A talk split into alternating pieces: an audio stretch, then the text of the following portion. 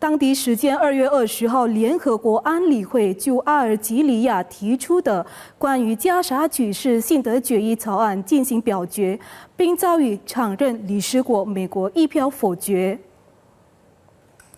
阿尔及利亚提交的决议草案要求立即实行各方均需遵守的人道主义停火。该草案还要求立即无条件释放所有人质，并反对强迫包括妇女和儿童在内巴勒斯坦平民人口流离失所的做法。同时，再次呼吁在整个加沙地带各地确保全面、迅速。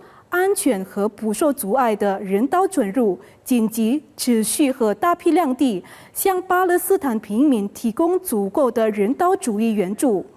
该草案还重申坚定致力于两国解决方案构想，并强调必须防止该区局势进一步升级。在表决中，该草案获得了十三票赞成、一票反对和一票弃权。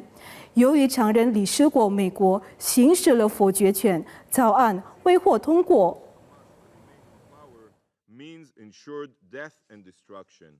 Ignoring Hamas's atrocities and not condemning Jelajahi cara baru mendapatkan informasi. Download Metro TV Extend sekarang.